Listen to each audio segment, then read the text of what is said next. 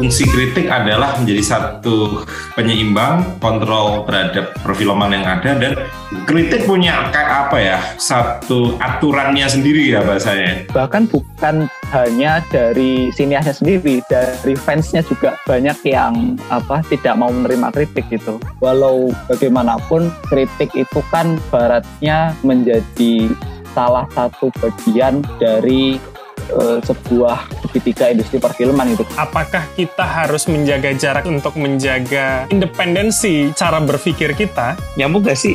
Ya disambung-sambungin aja lah.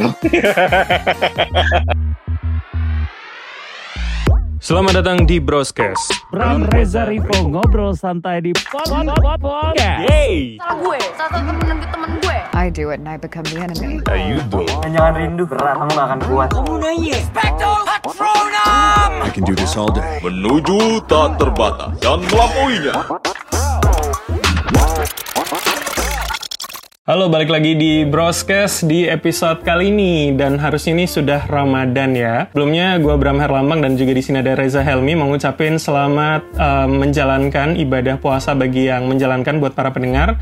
Dan di minggu ini kita juga akan menghadapi hari besar lainnya yaitu hari film yang jatuh pada 30 Maret 2023 ini. Nah, di hari film uh, nanti jadi Broadcast punya beberapa episode uh, Road to Hari Film yang sudah ada dari minggu kemarin yang teman-teman juga sudah bisa dengar tentunya adalah terkait dengan kritik film. Selain kalau selama ini kita mengulas soal uh, bagaimana sineas membuat filmnya, bagaimana kita memberikan review dan juga kritik terhadap film yang kita tonton, tapi kita juga ingin tahu bagaimana kontribusi dari kritik film untuk industri film nasional. Mengingat sejak tahun 2021 kalau nggak salah ya, itu uh, kategori kritik film itu sudah masuk dalam Festival Film Indonesia. Sehingga paling tidak uh, kategori ini ini apa ya nyebutnya?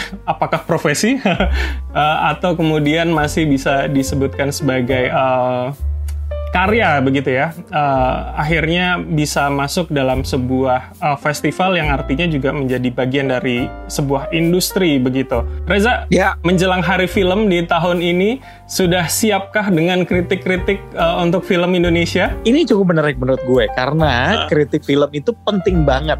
Tujuannya adalah untuk uh, mengembangkan industri film nasional. Memang industri film kita sudah mulai baik-baik saja beberapa tahun belakangan karena eh, tadi kan sempat lesu terus naik cukup, cukup kencang gitu ya. Terus setelah pandemi ingat beberapa tahun lalu film nasional lebih tinggi jumlah penontonnya dibandingkan film Hollywood ya kan? KKN Desa Penari 10 juta ya? Betul KKN Desa Penari ya kan? Ada versi extended dan segala macam ya kan? Ini membuktikan bahwa masyarakat kita sudah mulai eh, bukan sudah mulai maksudnya sudah banyak mungkin ya yang cinta film nasional dan peduli. Sehingga menurut gue kritik film ini cukup eh, mengambil bagian. FFI menempatkan menempatkan kritik film menjadi bagian dari ekosistem itu menurut gue juga hal yang bagus. Makanya kita akan mengulik lebih dalam hari ini ya. Betul. Dan uh, sesuai dengan yang bisa jadi gini, kalau biasanya di podcast-podcast apalagi yang audio doang kayak kita gini, biasanya so misterius. Siapa ya bintang tamu ya? Padahal kan secara di poster itu udah kelihatan ya, udah, ada gambar, ada nama. nah, oke okay, langsung kita kenalin aja. Ini dari Montase Film ada Mas Dwi dan juga Mas Arifin. Halo Mas, thank you udah hadir. Halo, selamat siang Halo. Mas Bram, Mas Risa. Selamat siang, terima kasih di uh, siang hari ini. Nah, saya bocorin lagi nih uh, waktu untuk tapping ya, padahal kan bisa didengerin kapan aja ya tapi di siang hari ini habis jumatan lagi udah langsung nyempetin buat buat gabung di sini. Saya ingin pertama mencoba melihat apakah kritik itu adalah sesuatu hal yang lazim dalam dalam sebuah industri dan apakah memang di luar sana ya di luar Indonesia apalagi itu menjadi sebuah ekosistem juga yang akhirnya memberikan feedback dan menjadi perwakilan masyarakat yang yang menjadi penikmat film. Pertanyaannya menarik nih. Jadi uh, dan sekaligus juga menyentil situasi ekosistem industri di uh, tanah air. Kalau dibilang uh, ekosistem perfilman di apa namanya dunia gitu ya, uh, kita bisa lihat bagaimana ekosistem itu terjaga dengan baik ya. Dengan adanya industri produksi maupun industri uh, kritik itu sendiri. Nah, contohlah yang menjadi kiblat tentu saja di uh, Hollywood ya di Barat, di mana di sana ada beberapa uh, mungkin tidak hanya beberapa, tapi banyak kritikus film yang memang di sana sudah sangat lazim dan uh, apa namanya mempunyai pengaruh yang cukup kuat ya dalam dalam konteks industri perfilmannya. Uh, kita mengenal ada beberapa uh, website kritik yang cukup terkenal di uh, dunia secara internasional, misalkan ada Rotten Tomatoes gitu dan ada IMDb. Misalkan Rotten Tomatoes itu adalah satu website yang merupakan kumpulan dari kritikus-kritikus di seluruh dunia yang apa namanya bahkan untuk masuk aja susah menjadi menjadi satu apa anggotanya gitu ya. Jadi kritik-kritikus itu akhirnya membuat satu konsensus misalkan ya, ya masing-masing punya penilaiannya masing-masing secara skor ya biasanya. Dan biasanya scoringnya kan kalau di Rotten Tomatoes uh, sampai 100% ya, hitungannya persen. Mereka akhirnya dikalkulasi dan menghasilkan satu angka, misalkan 80%, 90, bahkan juga ada yang uh, di bawah 50 yang ibaratnya tidak fresh gitu. Nah itu uh, cukup apa mempengaruhi industri karena apa namanya industri perfilmannya akan mencoba melihat uh, respon dari para kritikus dan orang-orang pun akan juga melihat dari situ gitu ya ketika kita mengapresiasi uh, sebuah film. Orang bisa jadi terpengaruh untuk bisa jadi menonton atau tidak menonton bisa jadi ketika melihat uh, apa namanya hasil skor ya kecuali orang yang betul-betul mungkin sangat penikmat film yang memang ya semua akan ditonton. Nah, uh, artinya menjadi check and balance ya, menjadi satu kontrol bagi kondisi perfilman sehingga menjadi penyeimbang. Ketika filmnya jelek ya banyak kritikus akan uh, bilang mungkin uh, jelek dan skornya biasanya akan rendah dan kalau misal memang filmnya bagus dan kritikus bilang bagus maka skornya akan tinggi. Sehingga eh, ini menjadi satu apa ya eh, bisa jadi pengingat juga bagi para filmmaker sehingga bisa lebih hati-hati dan benar-benar bisa eh, mengeksekusi produksi filmnya secara eh, baik gitu. Dan IMDb pun juga seperti itu. Mekanismenya juga hampir sama.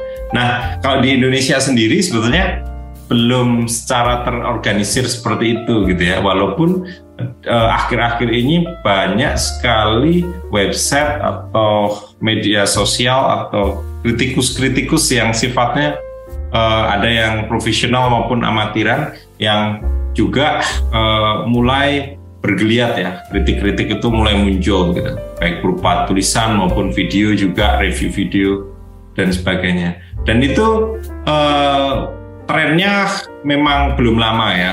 Kita karena kita mengamati, kita itu krit, mengkritik film sejak tahun 2006 itu modelnya masih bulletin film, jadi masih cetak. Belum website itu kita baru-baru aja sekitar tahun 2015. Nah, eh, coba bayangkan jika kritik kritikus-kritikus yang profesional itu diorganisir, dijadikan satu dan seperti Rotten Tomatoes gitu ya di Indonesia misalkan. Nah itu bisa jadi itu akan membawa dampak yang cukup signifikan bagi industri perfilman kita karena misalkan dari kritikus ada misalkan ada 50 kritikus profesional gitu, jadi satu dan mengeluarkan satu angka atau skor nilai misalkan 40 atau 50 persen gitu kan terhadap satu film. Nah itu itu apa, apa namanya filmmaker pasti akan mikir tuh ini ini ini kritik kritik kritiknya bisa bakal berpengaruh nggak ya buat apa namanya penonton orang bisa uh, uh, bakal nonton atau enggak gitu untuk untuk apa namanya ke bioskop atau tidak gitu. Nah itu tuh sebetulnya secara garis besar kita bisa menyimpulkan bahwa fungsi kritik adalah menjadi satu apa penyeimbang kontrol terhadap perfilman yang ada dan menjadikan film itu menjadi lebih baik. Satu, jadi kritik tidak hanya mencaci maki, tidak hanya tidak hanya apa namanya menjelek-jelekan tetapi sebuah kritik yang baik adalah sebuah kritik yang membangun sebuah kritik yang konstruktif sehingga uh, industrinya menjadi lebih baik gitu ya. Tujuan kami sebenarnya uh, tujuan kita kadang-kadang kita dicap wah kita nggak cinta film Indonesia gitu kan. Uh, me menghakimi terlalu keras gitu kan. Tapi apa namanya sebetulnya kita saking cintanya terhadap industri perfilman Indonesia kita ingin membangun satu uh, suasana atau ekosistem perfilman yang kondusif dan baik dan okay.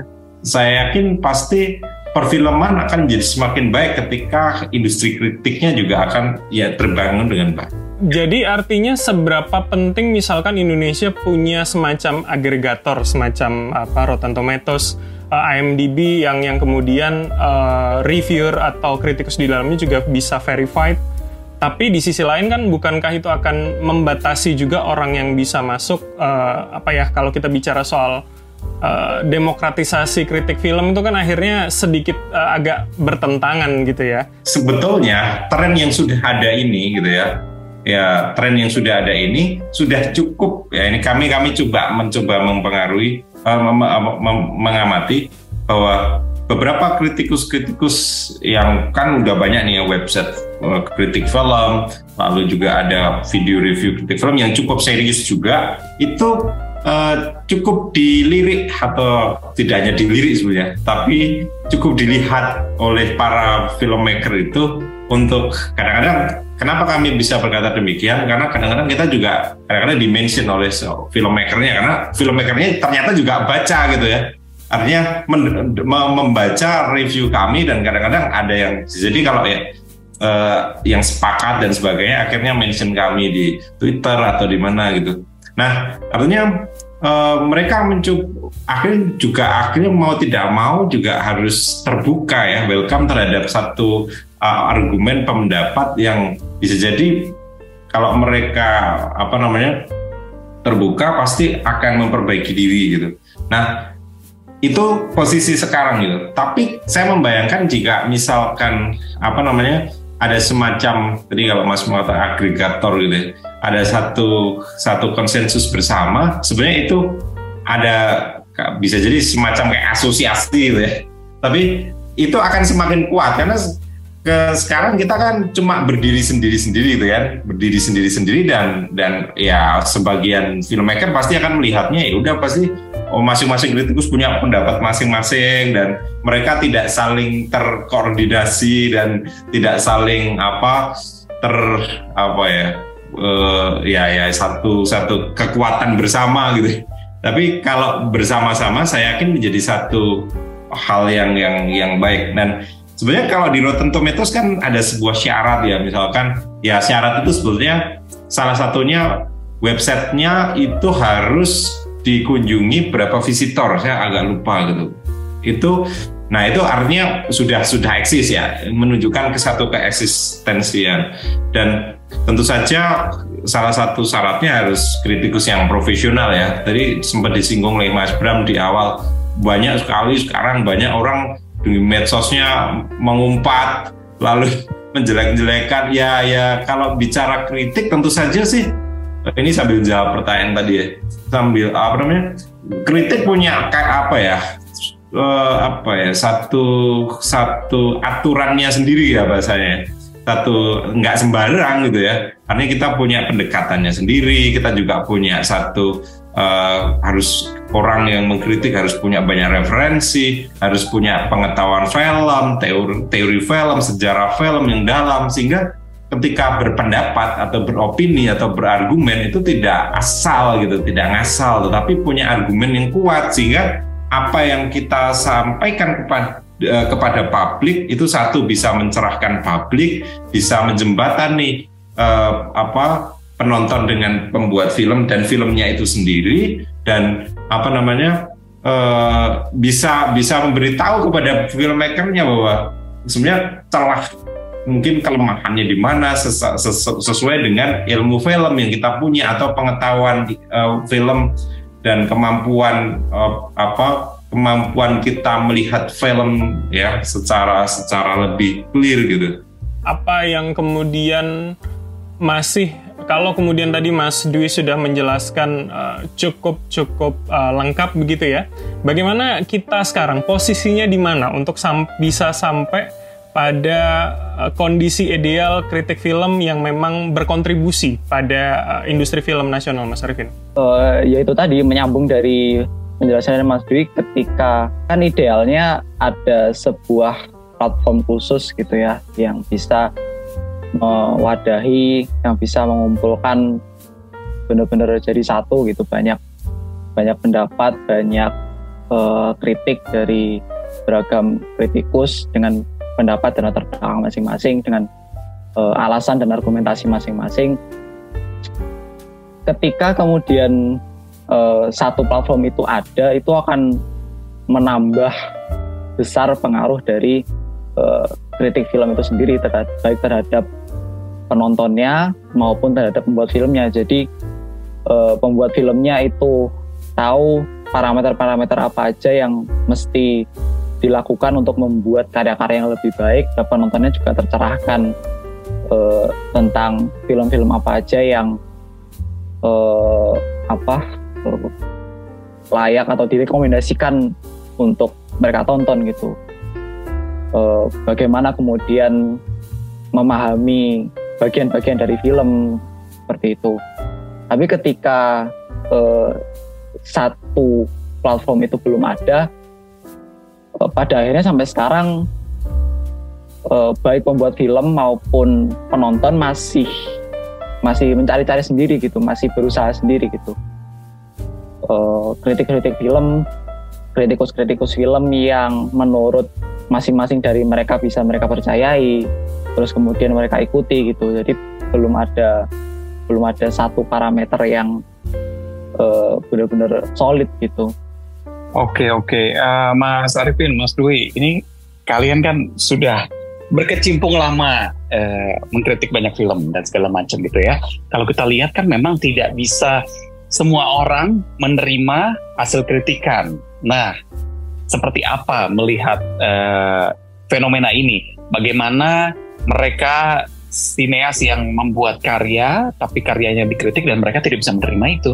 Seringkali bahkan bukan hanya dari sineasnya sendiri, dari fansnya juga banyak yang eh, apa tidak mau menerima kritik gitu. Banyak yang membela eh, film-film yang mereka sukai atau film-film yang dibuat oleh orang-orang yang mereka idolakan gitu.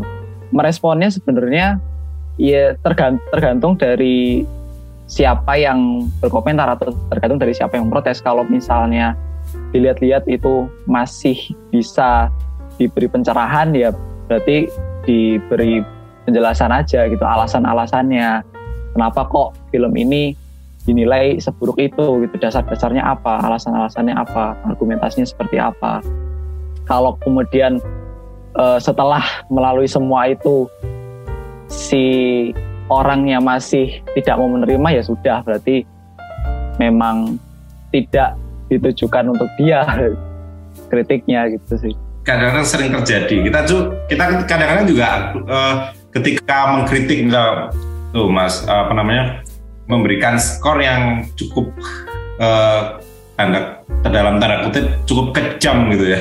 Kadang-kadang misalkan misalnya 40 eh, persen atau 30 persen gitu kan. Tapi kita juga berpikir ini si filmmakernya gimana. Tapi kita menuliskan satu skor gitu ya, 30 persen, 40 persen, 50 gitu.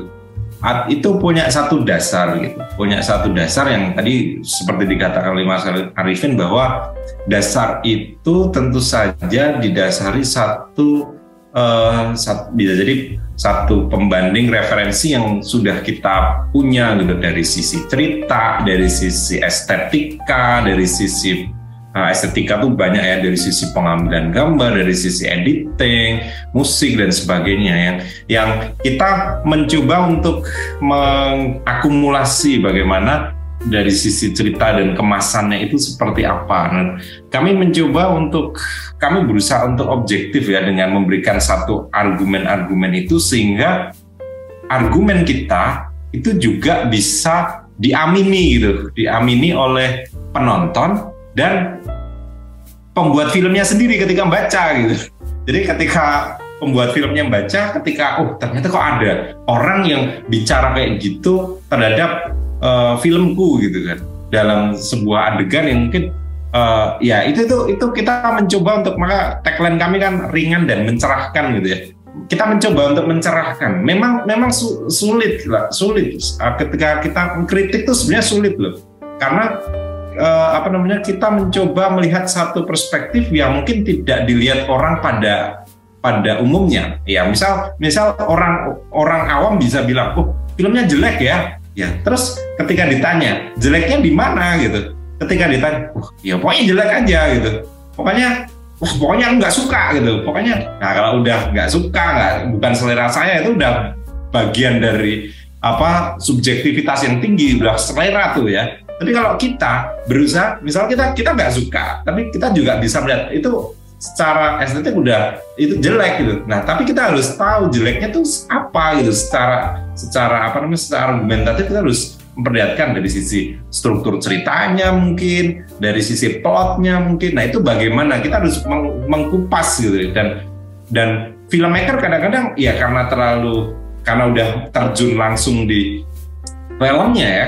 Jadi kadang-kadang orang harus perlu orang lain untuk melihat filmnya nggak bisa. Kadang-kadang filmmakernya pun ketika udah terlibat langsung dalam pembuatan filmnya kadang udah nggak nggak objektif lagi udah sangat subjektif banget gitu kan. Nah butuh orang lain untuk melihat filmnya di mana titik kekuatannya atau kelemahan. Dan sebenarnya kritik bukan bicara ke kelemahan aja tetapi bicara kekuatan dan ketika misalkan filmnya itu bagus dan kita anggap itu 100% gitu ya oke okay. ya kita akan katakan itu 100% dan dan dan dan banyak beberapa filmmaker juga akhirnya merespon kami dan mengapresiasi kami ya ya kita kita kita kita, kita memang jujur aja gitu kan mengkritik tuh harus jujur dan maksudnya argumentatif dan satu lagi gue kalau merespon pertanyaan tadi ketika filmmaker udah mempublish filmnya di publik berarti mau tidak mau filmnya ya harus harus mau di di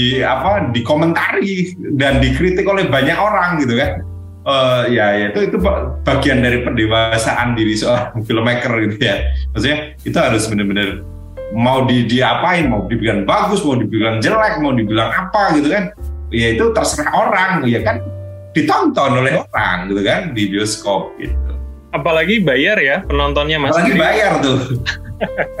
iya benar benar menarik menarik. Apalagi tadi uh, di awal Mas Arifin juga menyebut menyebut soal uh, fansnya gitu yang biasanya garang juga di sosial media gitu. Tapi kalau aku mau tanya sama Mas Arifin, Mas Dwi, uh, ini kan sekarang di era sosial media sudah banyak orang tadi uh, Bram bilang ya sudah bayar ya mereka punya hak juga dong untuk nilai untuk ngasih pendapatnya tentang film yang ditonton yang yang sudah dibayar tadi gitu. Nah, kalau menurut kalian sebenarnya apa nih yang menjadi pembeda antara kritikus film, uh, reviewer film yang ada di sosial media dan juga uh, jangan lupa ada buzzer film nih yang harus selalu mengkritik dan juga memberi uh, uh, review yang selalu baik untuk PH dan juga filmnya itu.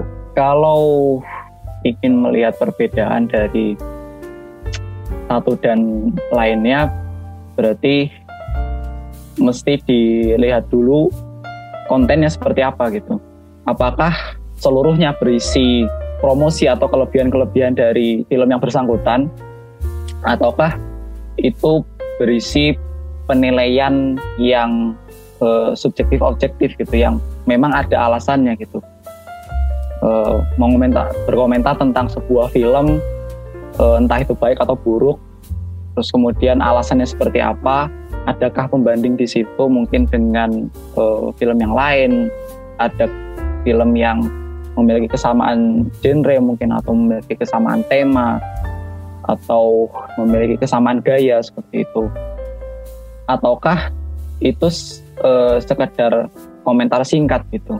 Mesti mesti mesti dilihat dulu konten dari uh, si reviewer atau orangnya itu seperti apa gitu sih. Tapi orang awam bisa bedain itu gak sih? Karena kadang kan PH uh, eh, mengquote nih uh, ditampilin di posternya atau apa. Nah itu kebanyakan kan dari reviewer film aja bukan kritikus film gitu. Gimana gimana? Di satu sisi itu uh, bisa dianggap sebagai cara atau upaya dari tim marketing atau tim filmnya sendiri untuk mempromosikan filmnya gitu ya. Mereka kan juga sah-sah aja untuk kemudian menampilkan quote-quote dari beberapa orang dari media atau mungkin dari tokoh-tokoh perfilman atau dari sinias-sinias untuk yang berisi komentar-komentar tentang filmnya sebagai uh, cara untuk promosi gitu. Bahkan ada uh, media-media yang uh, mereka memang diposisikan untuk mempromosikan filmnya sehingga komentar-komentar yang mereka berikan, argumen-argumen yang mereka berikan isinya adalah hal-hal baik tentang film tersebut. Padahal ketika ditonton terus kemudian dibandingkan dengan film lain atau di telaah secara baik baik dari naskah maupun dari estetiknya itu belum sebagus itu, nggak sebagus itu ternyata. Pembedanya gitu ya. Memang kalau saya kadang-kadang juga udah uh, membaca tuh ya, uh, beberapa misalkan kita ada ada resensi film atau review film yang hanya seolah-olah itu hanya mendeskripsikan gitu. Hanya hanya ibaratnya kadang ada juga yang cuma sinopsisnya aja tuh dan mendeskripsikan tentang film data filmnya gitu misalnya. Itu, itu juga ada sih. Nanti pembaca yang akan bisa menilai seberapa dalam sebuah ulasan atau kritik itu. Nah yang akan membedakan adalah bagaimana tingkat kedalamannya? Artinya tadi ada argumen-argumen yang disampaikan ya. Nah sebenarnya argumen-argumen itu sebenarnya adalah bentuk satu analisis. Kadang-kadang kita juga melakukan satu tafsir atau interpretasi dan yang terpenting sebenarnya adalah penilaian itu sendiri. Dan ada satu judgement ya ini ini ini ini bagus atau ini jelek. Dan tapi tidak hanya judgement saja tapi kita dari apa penilaian kita terhadap satu satu film harus ada uh, analisis terstrukturnya ada ada ada penjelasan-penjelasan yang memperkuat pendapat atau opini kita dan itu yang akan membedakan kedalaman sebuah tulisan yang tidak hanya mendeskripsikan saja. Nah, kalau kalau kami mendeskripsikan itu ya biasanya mendeskripsikan data filmnya, mendeskripsikan sinopsis filmnya, tetapi apa namanya ditambah dengan analisis-analisis yang uh, tadi memperkuat tentang penilaian yang ingin kami sampaikan. Jadi itu yang akan membedakan. Dan ya boleh-boleh saja berkomentar, tetapi kedalamannya seberapa jauh seperti yang tadi dikatakan oleh Mas Arifin. Kalau misalkan dia hanya sekadar berkomentar dan menurut dan komentarnya sifatnya dia selera saja atau memang berdasarkan fakta data terhadap satu acuannya film yang yang yang ia rujuk atau apa bagaimana. Nah itu itu perlu juga dilihat bagaimana komentarnya juga. Komentar kan juga tidak bisa sembarangan. Hanya itu komentar yang sifatnya spontan atau komentar yang sifatnya juga terstruktur atau uh, sebagai wujud kritik karena komentar dan kritik tentu saja juga berbeda. Oke, okay, ini menarik. Uh, saya pengen nyambung dari apa statementnya Mas Dwi gitu. Ketika kita menyampaikan uh, komentar, kita menyampaikan kritik, ada harus ada basis datanya.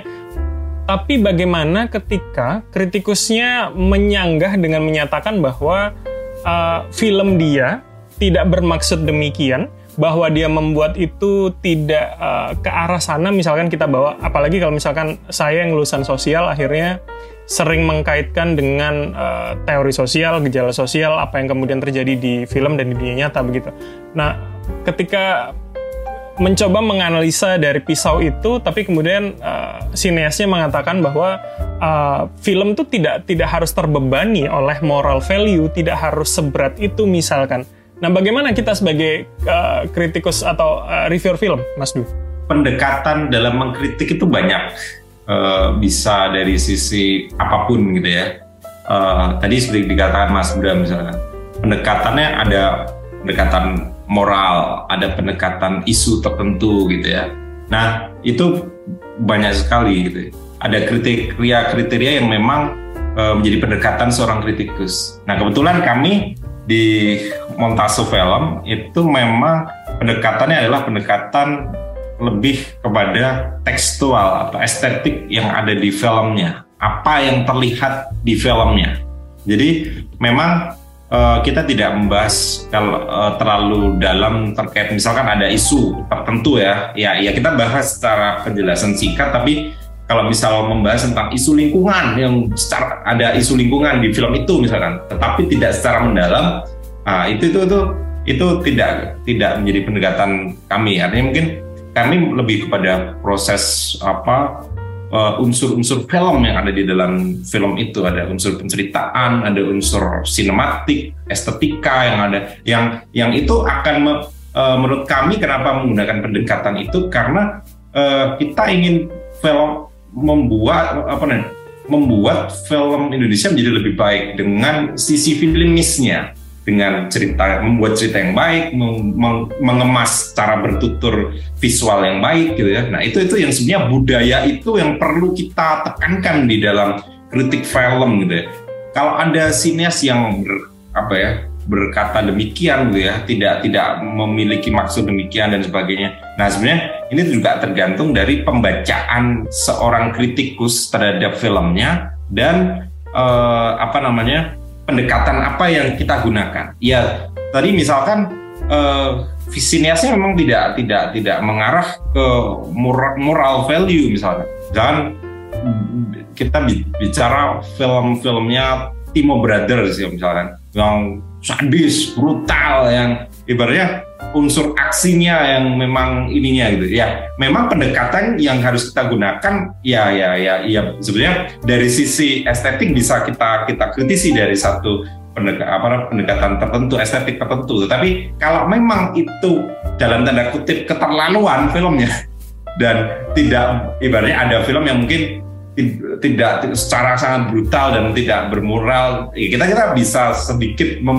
mem, membahas itu gitu. Nah tetapi kita harus mampu membaca. Kadang-kadang kita juga harus mampu dalam tanda kutip ya ya karena apa yang tersaji di dalam filmnya harus mampu kita baca. Dan sehingga eh, apa yang diinginkan oleh seorang filmmaker itu kita bisa baca gitu tidak hanya secara karena karena kita hanya membaca dari filmnya dan dan sebisa mungkin kalau kita bisa membaca alur pikir seorang filmmaker itu uh, ya itu memang ini memang susah ya. Tapi kalau kalau misalkan uh, tidak apa namanya tidak sesuai dengan apa yang diinginkan oleh filmmaker, ya itu bisa terjadi, bisa terjadi seorang kritikus bisa jadi uh, salah mengartikan pun bisa terjadi gitu. Tapi uh, tentu saja ini berde, apa ya uh, pengalaman saja pengalaman menonton, pengalaman mengamati gaya oh, filmmaker terus mengenal si filmmaker itu sendiri gitu. Track recordnya bagaimana gitu. Dan dan kalau misalkan filmmakernya ada yang bilang seperti tadi ya ya ya ya itu tergantung tergantung pendekatan apa yang pembacaan yang seperti apa yang di, dilakukan oleh si kritikus itu sih. Oke, okay, um, berarti kritikus uh, reviewer film itu mazhabnya juga banyak begitu ya. ada yang melihat dari filmnya uh, secara teknis, ada yang kemudian bisa kayak misalkan saya begitu dari dari sisi uh, gejala sosial apa yang terjadi di di sebuah film. Nah, uh, Mas Arifin uh, masih uh, pertanyaan yang mirip begitu. Bagaimana kemudian bukankah film itu juga bisa kita maknai sebagai sebuah catatan sejarah? Paling tidak kalau kita bicara film Indonesia, maka kita sangat bisa melihat uh, sebuah rezim, sebuah bagaimana kondisi sosial masyarakat dari film di tahunnya misalkan. Bagaimana film 80-an sangat berbeda dengan film uh, 2000-an, bahkan after 2020 kita tahu sekarang uh, genre-nya uh, genre lebih banyak, isu yang dianggap dulunya sensitif sekarang lebih berkembang. Bagaimana Mas Arifin lihatnya? Kecenderungan uh, perkembangan bagaimana film-film itu dibuat memang uh, mau tidak mau memang harus diakui pasti mendapat pengaruh dari eranya gitu. Ketika nggak uh, usah jauh-jauh, ketika masuk masa pandemi kemarin itu benar-benar banyak mempengaruhi bukan hanya dari isu atau temanya, dari pengemasan filmnya pun juga terpengaruh sama kondisi pada saat itu gitu. Selain itu, ada kalanya film-film yang dibuat pada masa kini juga pasti ada lah beberapa yang mengangkat tema-tema atau latar-latar waktu yang terjadi di uh, zaman dulu gitu. ada film-film yang ngomongin soal bagaimana sih uh, era 80-an pada masa itu bagaimana era 90-an terus kemudian masa-masa krisis dan lain sebagainya gitu. Jadi uh, tapi uh, dengan adanya semua hal itu memang semakin lama khususnya dalam hal teknis itu pasti ada uh, pengembangan pasti ada kemajuan gitu. Misalnya film-film yang pada zaman dulu film-film klasik atau film-film era lama itu dibuat dengan teknis-teknis yang yang hanya bisa dicapai pada masa itu di masa sekarang itu bisa lebih baik lagi gitu. isu-isu juga sama walaupun memang ya semakin semakin ke sini gitu kalau kita lihat kira-kira dari dari 2019-an atau dari 20 2020-an gitu mulai ada satu dua film atau mulai ada satu dua sineas yang uh, ciri khasnya itu cenderung mengangkat tema-tema yang uh, berbeda gitu, tema-tema yang punya sisi uh, kontroversial sendiri gitu. Dan mungkin ke depannya juga bakalan uh, ada film-film atau bakalan ada sinias-sinias yang mulai merambah ke ranah-ranah yang sebelumnya tabu untuk dilakukan, tabu untuk diangkat gitu. Uh, kalau misalnya kita lihat sebenarnya kan ada anggapan eh, bahwa industri perfilman di Indonesia ini atau film-film di Indonesia ini eh, bukan karya seni tapi hanya barang dagangan gitu. Sehingga mereka melihat kritik mendalam tidak terlalu diperlukan karena mereka butuhnya publikasi dan juga jualan. Kalau bisa uh, reviewnya bagus dan segala macam itu dipakai uh, tadi sudah dikatakan bahwa eh, untuk bahan promosi mereka dan itu sah-sah saja gitu. Tapi kalian gimana ngelihatnya? Apakah setuju dikatakan bahwa film film-film Indonesia ini hanya untuk barang jualan aja bukan karya seni?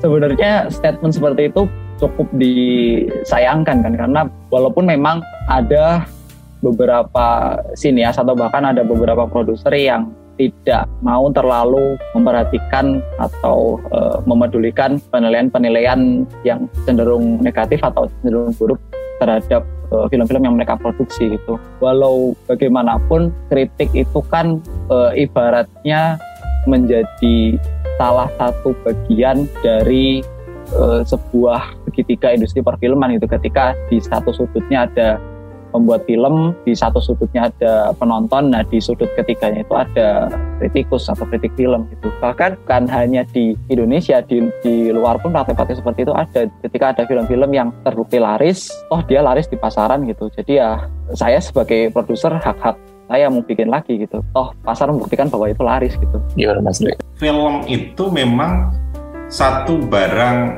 dagangan gitu satu produk industri dari sisi itu saya setuju gitu karena memang film itu uh, tujuannya untuk apa ya memang satu produk yang nantinya akan ditonton dan mendapatkan banyak penonton dan akan menghasilkan satu uh, alur komersial gitu ya, yang sehingga membangun satu industri gitu.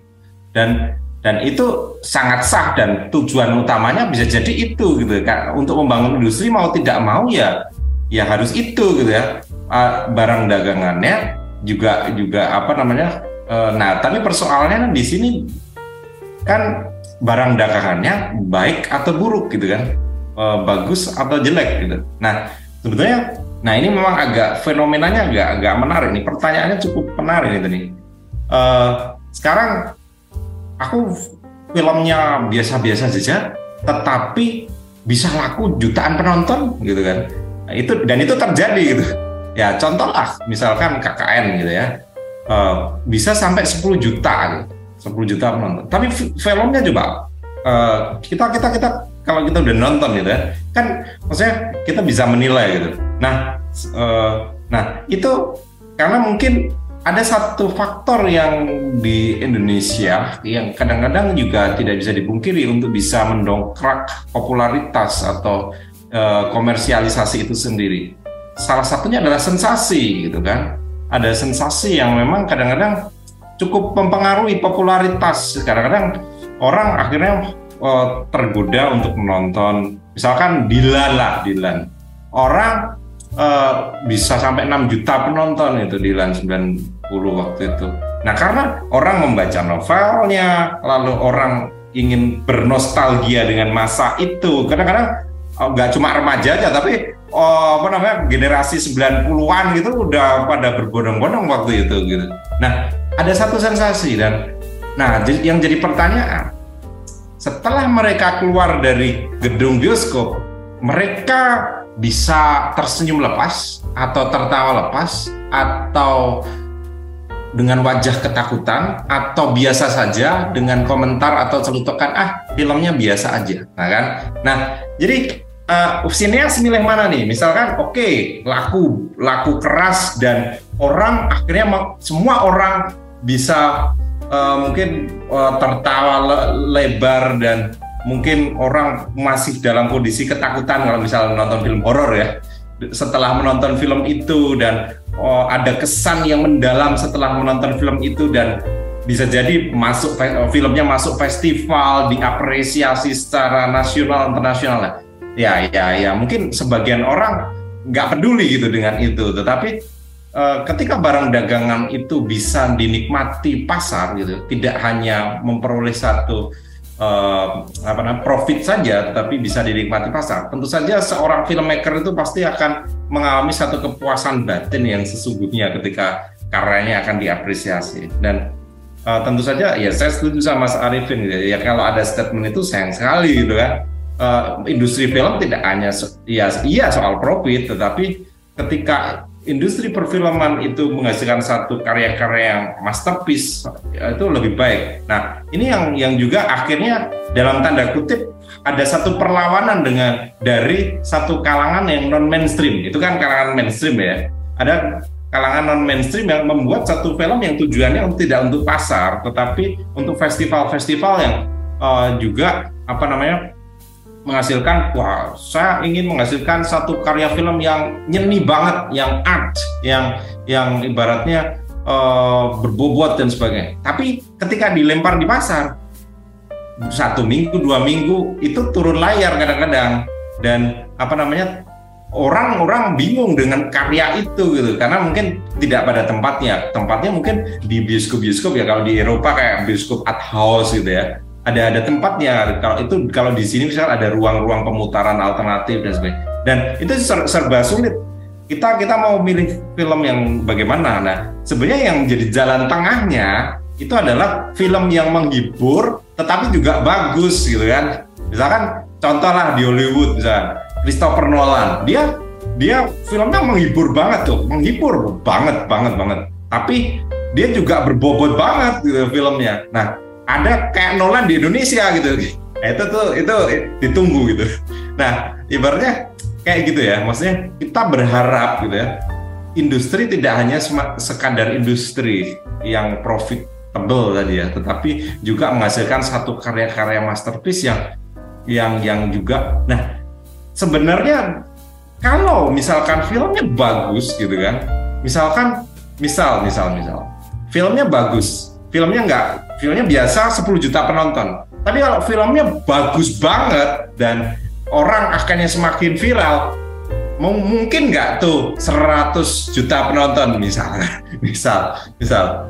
Uh, maksudnya kan, maksudnya kita bicara bicara profit tuh ini ya, bicara profit. Artinya kita harus membangun mindset tidak hanya ah, aku mungkin mereka udah puas dengan 10 juta penonton gitu, tapi ketika itu misalkan bisa di-upgrade menjadi 50 juta penonton, kenapa tidak gitu ya? Dengan cerita yang lebih baik dengan satu kemasan yang lebih menarik dan lebih viral lagi gitu dan bisa bisa sangat viral gitu. Dan mindsetnya harus bikin film yang baik yang baik menghibur dan bagus dan banyak penonton. Dah itu aja. Tapi Mas Dwi terakhir mungkin uh, yang yang mau aku tanyain adalah uh, bagaimana sih seharusnya uh, hubungan antara kritikus film dengan para sinias yang ada gitu dan apakah hubungan ini sudah berjalan dengan baik sejauh ini? Saya mungkin kita baru bisa menduga gitu ya tren-tren tren banyak para filmmaker yang juga ada yang masih masih masih apa ya masih tertutup ya maksudnya wah ini uh, apa namanya uh, tidak tidak tidak membuka satu opini-opini dari luar ya udah mereka bermain-main dengan uh, di dalam industri itu sehingga ya udah berkutat pada satu industri-industri itu saja gitu. Tetapi ada filmmaker yang coba cukup uh, mau belajar gitu ya artinya udah udah punya potensi mau belajar dan dan dan terbuka terhadap uh, kritikus itu juga ada gitu ya artinya tren itu sebetulnya sebenarnya pasca pandemi itu sudah sudah kelihatan tapi sejak pandemi kan kita agak mandek gitu ya. Tapi se setelah ada geliat baru uh, di, di perfilman kita ini sudah mulai mulai terlihat lagi. Nah secara langsung sebetulnya uh, kita uh, apa ya kalau dilihat secara formalnya yang tadi udah disampaikan ya kritik film sekarang udah ada di FFI selama beberapa apa uh, periode ini.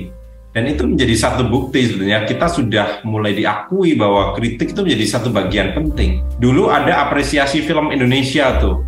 Ada kritik film ada kajian film ada bahkan ada pemerintah yang mendukung perfilmannya di daerahnya. Itu ada kategorinya tuh di apresiasi film Indonesia. Tapi sayang sekarang ada. Uh, nah sebenarnya bagian-bagian itu itu perlu ditingkatkan. Juga menarik ketika bagaimana kita sebagai reviewer, sebagai kritikus memposisikan diri. Apakah kita harus menjaga jarak dengan sineas untuk menjaga independensi cara berpikir kita, tapi di satu sisi kita juga akan kehilangan banyak insight mungkin ke cerita dari para sinias atau kemudian kita uh, mendekatkan diri ke mereka atau kita punya hubungan yang dekat untuk tahu banyak insight tapi di sisi lain mungkin akan uh, terjadi khawatiran kecenderungan juga adanya bias dalam tulisan kita. Di mana kita harus berposisi? Posisi kita seharusnya harus uh, ibaratnya harus uh, bisa sangat netral gitu ya. Dengan kita melihat filmnya saja, kita sebenarnya sudah cukup bisa untuk mengkritik itu. Tanpa kita harus kenal kritikusnya, tanpa kita harus mewawancarai kritikusnya, ap apalagi uh, dekat dengan kritikusnya uh, sorry filmmakernya. Uh, artinya apa? Bahwa kita harus benar-benar sangat netral dan ibaratnya kalau dari sisi posisi sebenarnya harus jauh gitu kan supaya untuk menjaga netral netralitasnya gitu. Karena uh, apa yang dilihat kritikus adalah filmnya. Tidak tidak kita kita tidak melihat apa yang ada di balik layar. Personal ya. Uh, uh, gitu sih. Beberapa waktu lalu juga pernah ada sebuah kelas pelatihan penulisan kritik seperti itu yang di salah satu materinya terdapat materi soal uh, director statement gitu.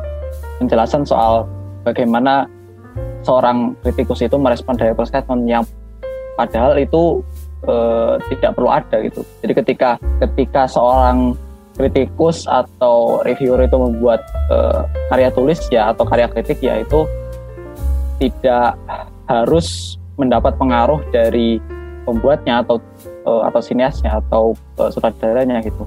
Walaupun itu uh, ada kalanya memang bisa dimasukkan menjadi sebagian kecil dari uh, kritiknya atau sebagian kecil dari tulisannya hanya cuman hanya sebagai singgungan-singgungan uh, tipis gitu tidak banyak mempengaruhi uh, kritik itu sendiri gitu. Oke oke, ini emang kritik yang menarik. Meskipun pada kenyataannya, bila film yang dikritik ternyata jelek dan laku di pasaran, itu tidak ada hubungannya. Begitu ya, karena film yang bermutu belum tentu bisa diterima oleh masyarakat. Nyambung gak sih? Ya disambung-sambungin aja lah. Iya iya iya. Gitu. Oke oke. Iya. Ah, Terima kasih Mas Dwi, Mas Arifin atas waktunya sudah berbincang-bincang sama kami di podcast. Mungkin Bram ada sedikit yang mau ditambahkan? Oh nggak ada, udah udah cukup lah nanti biar biarkan uh, karya uh, episode kita kali ini pendengar saja yang menilai dan merangkai kesimpulan dari Reza tadi yang Itulah yang agak sedikit absurd gitu. ya. itu pendengar episode kali ini semoga bermanfaat. Silahkan tulis di kolom komentar, bisa langsung di platform podcast yang kalian dengarkan, ataupun di Instagram kami di broscast.podcast. Uh, bagaimana terkait dengan episode kali ini dan juga apa yang bisa kami bahas di episode mendatang khususnya di hari film tahun 2023. Sampai sini dulu, gua Bram Herlambang. Saya Reza Helmi, pamit. Bye-bye. Selamat datang di Broadcast. Bram Reza Rivo ngobrol santai di podcast. Salah gue, salah satu temen temen gue. I do it and I become the enemy. Jangan rindu berat, kamu gak akan kuat. I can do this all day. Menuju tak terbatas dan melampauinya.